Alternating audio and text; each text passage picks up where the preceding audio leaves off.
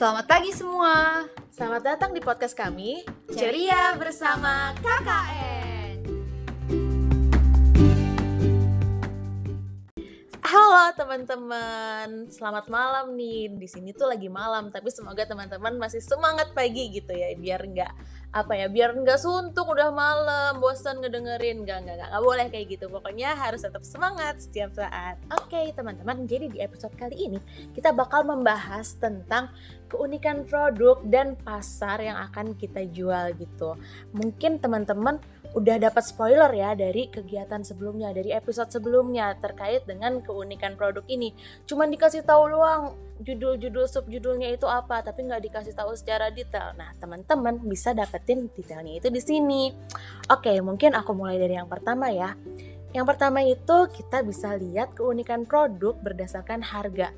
Kenapa harga termasuk keunikan produk? Karena harga itu mm, berbasis pada konsumen. Salah satu hal yang sangat diinginkan dan dibutuhkan oleh konsumen. Kayak misalnya nih, kamu pengen main di harga yang A, di harga yang tinggi. Nah, kamu bisa menjual di harga sekian dengan kualitas yang benar-benar kamu improve, benar-benar uh, kamu pasang dengan bagus. Jadi harga dan kualitas kamu itu sesuai kayak gitu. Ada juga nih yang emang kamu memilih pasar yang uh, membutuhkan harga yang lebih rendah. Kamu juga bisa dijual di harga segitu, tapi jangan lupa kamu juga harus mengambil keuntungan yang baik gitu ya. Betul, betul, betul. Jangan jadi jangan sampai konsumen itu merasa kecewa, tapi kamu juga jangan sampai rugi. Setuju sih, bener. Apa gunanya nih kalau bisa konsumen senang, bahagia, tapi ternyata bisnis kita rugi kan itu nggak sustainable, iya nggak sih? Iya betul betul. Kalian juga butuh makan guys. Oke, cara keunikan produk yang kedua adalah di pilihan model. Pilihan model ini maksudnya ya bisa sih dikatakan misalnya sederhananya itu model bajunya. Jadi kalau misalnya beda dari yang lain, beda dari merek-merek sejenis, itu bisa dikatakan modelnya unik. Tapi jualan aku tuh bukan baju, ya wajar. Tapi tetap bisa bikin model bisnis yang unik. Caranya gimana? Caranya adalah kita bisa lihat, kita breakdown setiap urutan dari journey atau dari experience yang dilalui oleh customer dan coba kita improve nih. Ada satu sisi yang kita improve. Contohnya, misal jualannya itu adalah nasi campur. Nah, atau yang zaman sekarang deh, rice bowl. Nah, ini bisa nih kita modelin selain dari menunya yang udah fix, kita kasih menunya, kita sodorin ke customer, nanti customernya klik mau yang mana. Kita coba bisa bikin alternatifnya. Contoh, pilih rasamu sendiri atau buat model atau buat mangkokmu sendiri atau sejenisnya. Jadi kita bisa bikin customer lebih engage, lebih personalize ya? gitu ya. Iya, benar banget personalize ke produknya. Jadi kan ini pastinya bikin customer lebih senang dan ya mereka jadi ada kemungkinan untuk datang lagi karena mau nyobain yang rasa yang lain. Atau kita juga bisa ngeliat dari supplier kita. Coba kita lihat kita ulik misalnya sebelumnya oke okay lah kualitasnya standar sama kayak yang lain. Coba gimana kalau kita coba start mencari bahan-bahan organik atau kita coba cari bahan yang lebih high quality atau lebih murah atau lebih sustainable, lebih environmentally friendly itu bisa banget diatur. Kalian juga bisa refer ke episode kita sebelumnya yang tentang mega shift perilaku konsumen selama pandemi. Nah dari situ tuh bisa kepikiran gimana ya pilihan model bisnis supaya lebih oke okay dan lebih unik yang pastinya bisa ngalahin pesaing-pesaing kalian. Menarik banget nih teman-teman mengenai pilihan model. Nah, selanjutnya kita bisa lanjut ke pilihan pengiriman. Pilihan pengiriman itu maksudnya gimana sih? Terkait dengan mega shift yang sebelumnya sudah dibahas. Kalau misalnya orang-orang itu banyaknya stay at home dan juga ada juga yang sudah mulai go virtual. Jadi kita udah mulai nih online. Nah, pengiriman itu sangat amat dibutuhkan di era sekarang. Jadi banyak banget nih orang-orang yang uh, kebutuhannya apa ya? kompleks. Jadi ada tipe konsumen yang dia butuh banget nih saat ini. Jadi bagaimanapun harus bisa sampai detik ini juga. Nah, itu mungkin bisa uh, kalian sampaikan pemilihan pengirimannya itu bisa melalui GoSend atau mungkin apa Grab Express kayak gitu teman-teman. Atau mungkin antar langsung dari kaliannya uh, punya jasa sendiri itu bisa hmm, banget ya kan? Kayaknya ada tuh banyak sekarang yang jualnya jadi flat price gitu dia mau ke mana pun harga kirimnya sama. Nah itu suatu keunikan setuju banget Aina. Thank you untuk insightnya keren kan? Nah terus habis itu selanjutnya ada juga yang sebenarnya aku nggak butuh-butuh banget sih. Kayak aku paling butuh 2-3 hari. Bisa juga kalian uh, menghitungkan menghitungkan kayak apa ya? Memberikan metode reguler gitu. Jadi nggak harus uh, konsumen itu bayar mahal-mahal banget. Karena mereka pun nggak butuh-butuh saat ini banget kayak gitu. Ada juga yang kayak entar-entar aja deh. Jadi nggak apa nih pakai metode pengiriman yang agak lama sedikit? Kayak gitu. Nah itu bisa disesuaikan dengan uh, kebutuhan dari konsumen. Dan kalian bisa nih membreakdown apa aja yang kira-kira dibutuhkan oleh konsumen yang juga sesuai dengan bisnis kalian. Jangan sampai ya teman-teman ya, kalian jualan kayak tadi Aina bilang rice bowl, tapi dikirimnya dua tiga hari. Ya gimana dong? Kalau saya kayak gitu ya nggak sih? Benar benar oke oke. Mungkin selanjutnya bisa ke pilihan pembayaran. Nah oke okay, lanjut lagi. Selain pengirimannya harus beragam modelnya harus unik harganya harus sesuai dan tetap untung kita juga bisa memberikan keunikan produk kita di pilihan pembayaran. Teman-teman ini pasti udah ya no brainer lah. Kita semua tahu kalau misalnya sekarang pembayaran tuh nggak cuma tunai mungkin mulai banyak yang debit atau zaman sekarang lebih banyak lagi yang pakai imani nih OVO, GoPay, Dana, link aja. Pokoknya banyak banget lah di luar sana jenis-jenis pembayaran yang bermacam-macam. Nggak ada salahnya loh apa pun bisnis teman-teman coba deh dimasukin ke dalam jenis pembayaran modern kayak tadi. Misal walaupun aku cuma jualan nasi campur it's okay. Coba aja kalau misalnya didaftarin ke GoPay atau ke OVO, who knows itu malah bisa bantu customer kamu mempermudah mereka dan bikin mereka mau repeat order lagi karena nggak semua orang sekarang megang cash. Jipa kamu ngerasa nggak sih sekarang tuh megang cash dikit? Iya, soalnya kan kotor juga ya. Maksudnya kalau uang tunai itu kan jelas-jelas kita lagi prokes banget ah, nih banget prosedur nih, covid. Uh, kayak gitu kan. Jadi kan itu bisa apa ya diantisipasi penyebaran covid dengan kita melakukan cashless. Lihat juga nggak sih di fasilitas umum nih mulai banyak sekarang yang memperlakukan wajib banget imani kayak di tol, hmm. di KRL semuanya sekarang harus pakai imani. Jadi nggak ada salahnya teman-teman bisnisnya coba dimulai, coba diimplementasikan dan jangan pernah mikir kayaknya aku nggak bisa kayaknya bisnis aku nggak cocok dicoba dulu gitu. Iya, aku juga pernah kok, sumpah. Aku pernah beli bubur bisa pakai GoPay, enak hmm. banget sumpah oh. rasanya. Nggak harus apa yang harus ribet nyari nungguin kembalian hmm. gitu ya, bisa langsung ambil pulang deh. Betul banget. Dan selain itu juga pembayaran dengan imani itu tuh jauh lebih aman loh hitungannya dibanding tunai. Kenapa? Karena semua imani bentuk pembayaran online itu tuh udah terdaftar di Bank Indonesia. Jadi uh, kita nggak usah khawatir kalau misalnya tiba-tiba nanti uang imani kita lenyap atau hilang karena itu udah terjamin ke uh, keamanan dan keabsahannya. Jadi teman-teman bisnisnya ayo start jangan sampai ketinggalan. Bagus banget ya teman-teman apa yang disampaikan Aina terkait dengan validity imani. Jadi insight baru untuk kita semua. Oke lanjut kita ke kualitas. Nah jadi teman-teman kualitas itu kenapa pas banget untuk dijadikan keunikan produk. Jadi ini aku uh, kasih tahu poin-poin infonya ya.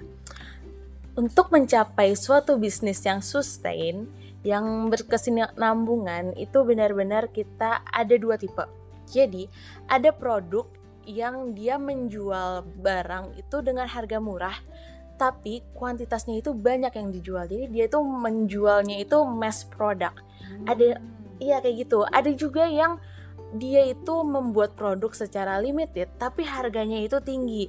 Nah, teman-teman bisa tuh fokus di dua itu sebenarnya coba dilihat lagi produk yang kalian jual itu apakah termasuk dalam produk yang mass product atau produk yang limited.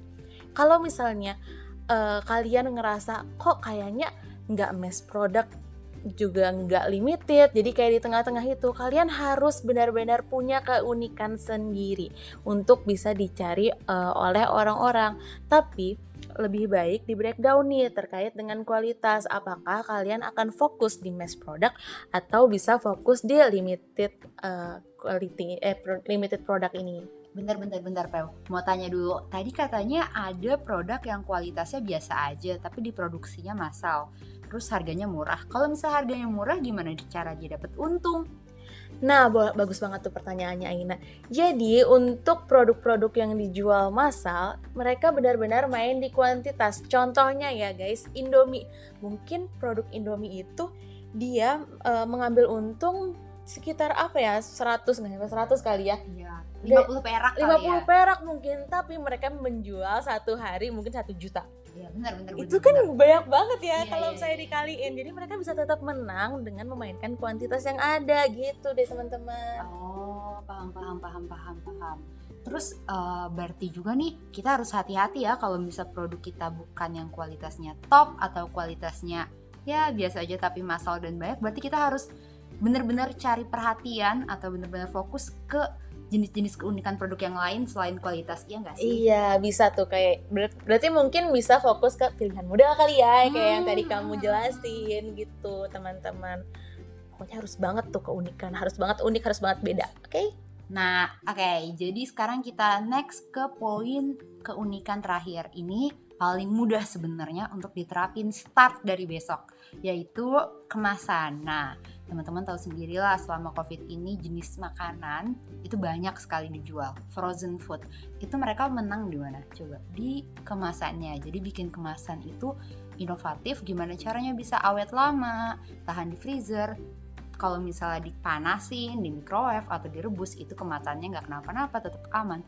Jadi ya benar-benar main di kemasan atau juga kita bisa lihat nih movement sekarang tuh green banget alias kalau bisa tuh zero waste lah. Kemasannya mulai dikurangi nih plastik-plastiknya. Start coba cari kardus atau bungkus dari bahan-bahan organik misalnya dari limbah singkong. Aku lihat kayaknya banyak. Kamu sendiri pernah lihat nggak sih sekarang tuh banyak banget coffee shop atau ya online shop yang mulai kemasannya itu full kardus atau kertas doang? Iya go green gitu ya. Mm-mm. justru lebih menarik sih kalau misalnya menurut aku. Karena sekarang ya memang kita eh, melimitasi plastik juga ya. Mm, mm, mm, mm. di kota Bogor sendiri aja nih kalau misal kita ke supermarket atau minimarket udah nggak disediain plastik.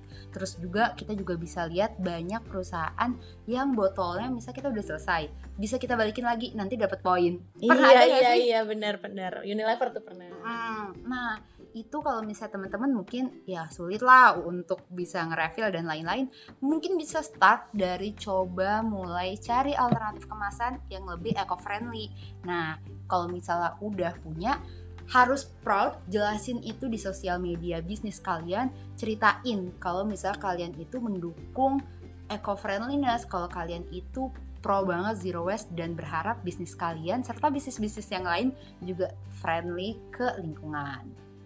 Wah nice banget nih Aina. Kita jadi fokus ke eh, Go Green ya Aina Which is bisa jadi apa ya Bagus banget nih untuk dunia yang sekarang. Jadi kita bisa hidup lebih lama ya Dengan kita men- betul Go Green gitu Mencintai bumi kita sendiri.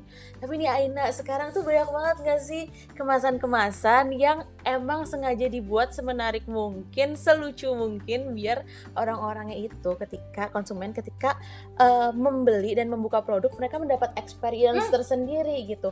Dan bagusnya sendiri ini bisa menjadi strategi marketing kalian. Kalian bisa dapat free marketing dengan mereka mendapatkan experience ketika membuka. Itu banyak loh sekarang malah trennya di TikTok tuh kayak pas waktu unboxing diliatin gitu. Jadi Ah, bener bener bener. Sering lihat banget. iya masuk FYP kan. Jadi tuh malah orang-orang tertarik dan kepo buat beli. Wah bagus nih bahkan mungkin orang tuh bisa tertarik karena packagingnya aja ya Mm. nggak sih Apalagi untuk hadiah, ya nggak Iya. sih? Itu pasti tuh kalau kemasannya menarik, kemasannya lucu, itu bakal jadi way to go produk banget. setuju setuju setuju Terus Peu nih, kita udah selesai nih eh, keunikan-keunikan produk yang bisa teman-teman terapkan di bisnis. Coba kalau misalnya aku bakal rangkum ada 6 poin. Yang pertama harga. Pastiin kalau misalnya produk teman-teman itu ada di range harga yang tepat dan beda dari kompetitor-kompetitor teman-teman. Yang kedua adalah pilihan modelnya, bukan cuman model baju, tapi juga model bisnisnya cari di antara semua customer journey mana yang bisa diotak-atik, mana yang bisa diimprove, dibuat lebih menyenangkan bagi customer. Yang ketiga adalah pengiriman. Coba mulai cari alternatif pengiriman yang sebelumnya belum pernah teman-teman lakuin. Misalnya ya tadi express atau dalam hari yang sama atau flat price ke seluruh tempat. Kemudian nih, yang keempat pilihan pembayaran coba jangan takut apa pun jenis produk teman-teman industrinya apa pun beraniin diri pakai pilihan pembayaran yang beragam kemudian dari kualitas produk teman-teman coba pilih satu kira-kira pengennya mass produk tapi ya kualitasnya so-so lah atau kualitasnya bener-bener bagus tapi mungkin harganya lebih pricey dan ya produknya limited. Dan yang terakhir adalah kemasan. Jujur kemasan ini sebenarnya yang paling mudah dan bisa diterapin hari ini, malam ini atau pagi ini jam berapapun teman-teman dengan podcast ini bisa langsung coba dicek di Instagram atau di internet coba aja search kemasan murah, trendy atau kemasan eco-friendly Indonesia coba dicari dan siapa tahu cocok sama teman-teman. Wah keren banget tuh Aina rangkumannya. Oke teman-teman mungkin sekian podcast kali ini terkait dengan keunikan produk kita. Keunikan produk teman-teman. Semoga bisa uh, apa ya langsung dilaksanakan Langsung iya. diimplementasi oleh kita semua. Jadi pembelajaran untuk kita semua Bagi yang mau mulai bisnis juga bisa langsung. Wah banyak nih poin-poin yang bisa gue catat. Ayo kita buat bisnis sekarang Oke? Semoga bisa menumbuhkan semangat baru untuk semua teman-teman yang mendengarkan Oke, terima kasih teman-teman semuanya. Sampai berjumpa di podcast selanjutnya. Yay, see you.